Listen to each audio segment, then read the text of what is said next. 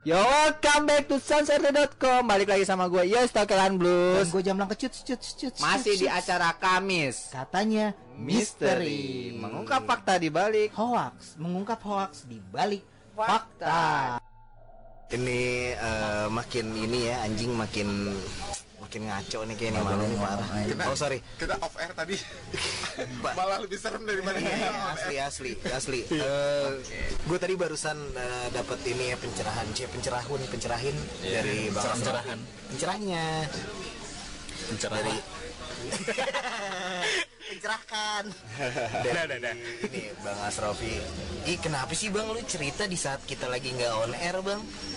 Kenapa nggak cerita kan sekarang? nggak bisa gue ulang mbak Bray lu mending ulang dulu cerita gue ntar gue nambahin kalau salah gimana Jadi. ya? Jadi ceritanya adalah jedu ceritanya adalah gue inget sih, cuman males tapi kalau kita yang ceritain juga nggak ini sih Iya. Jalan-jalan ke kebu- eh, pabrik teh tua Belanda oke siap. judulnya pabrik teh tua Belanda jalan-jalan di pabrik Pabrik. Dia kan jalan-jalan di pabrik teh, bener. pabrik teh jalan-jalan di? Jadi waktu SMA guys. Eh, gue perlu mendekat nih bang. Tahun berapa tuh bang? tahun berapa? Tahun berapa bang?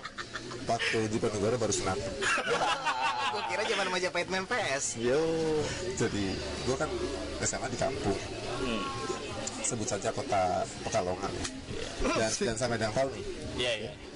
nama disamarkan ya, Stipret ya. jadi kan rumah gue di Pekalongan Kota dia. Sekolah juga di situ. Nah kalau di Pekalongan Kabupaten itu daerahnya atas. Yang menuju ke Dieng gitu. Iya.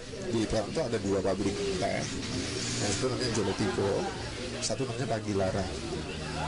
Pagila dua-duanya tuh pabrik teh dari zaman Belanda. Tua banget keren banget deh sama lu tuan siapa bang Eh, tua gue dikit. Oke. Jadi pabrik tehnya tuh ada di kayak selah bukit gitu, ada bukit satu bukit dua, terus selahnya Gunung Kembar. di bawah tuh ada lembah. Jadi pabrik satu sama pabrik dua tuh ada jembatan penghubung. oh Dan kalau kita mau sana itu harus ngeliling bukit kecil. oke oke Yang notabene bukit itu ternyata adalah kuburan. Serius, kuburan. kuburin Kub- kuburun, kuburnya kubur kan. Oke. Kubur sih. rampung nggak nih? Jadi gue berempat ke sana sama teman-teman bawa motor, motor dua. Jadi kita bonceng-boncengan kan. Gue boncengin temen gue namanya Taufik, teman sebangku, yang jadi pemain bulu tangkas ya bulu tangman. iya tangan Nggak lucu lah.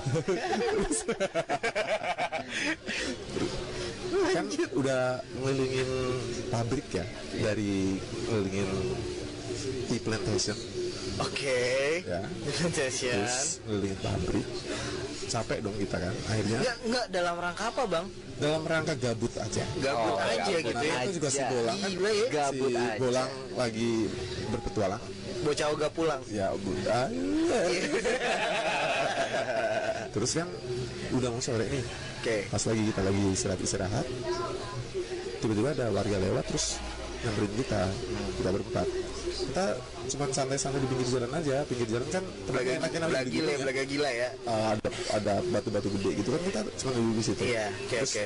tiba-tiba dateng lah si orang lokal itu nyamperin kita ngomong Dek, mending kalian pada pulang aja udah mau maghrib Oke. langsung Oke. kita nurutin nasihat orang lokal dong Iya. pulanglah kita pas sebelum maghrib dalam perjalanan jadi perja- itu jalan tuh asli kena gunung ya jadi di- diapit bu- uh, Dua bukit. bukan Oh, dua jadi di pabrik. atas ya jadi jalannya ke bawah itu ke kota itu asli masuk hutan jadi Hmm. Meluncur ke bawah. ya jalannya landai ke bawah Oke. dan di kanan kiri kita cuma pohon-pohon doang belum ada kampung nggak ada satu kampung jadi nggak ada cahaya Pada zaman itu sampai sekarang sampai sekarang. Ya.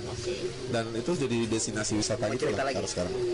Nah waktu kita pulang berempat, kita udah, lagi. udah jam 6 naik motor. Sepanjang perjalanan yang gue heran kan gue tuh nggak pernah punya keahlian untuk melihat Kalian khusus ya. ya, kungfu, merasakan. tai chi atau seperti itu ya.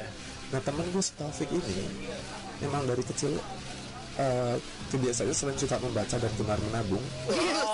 Juga sering ketempelan. Oh, tempelan. Oke, oke. Oke, dia ngoleksi stiker apa gimana bang?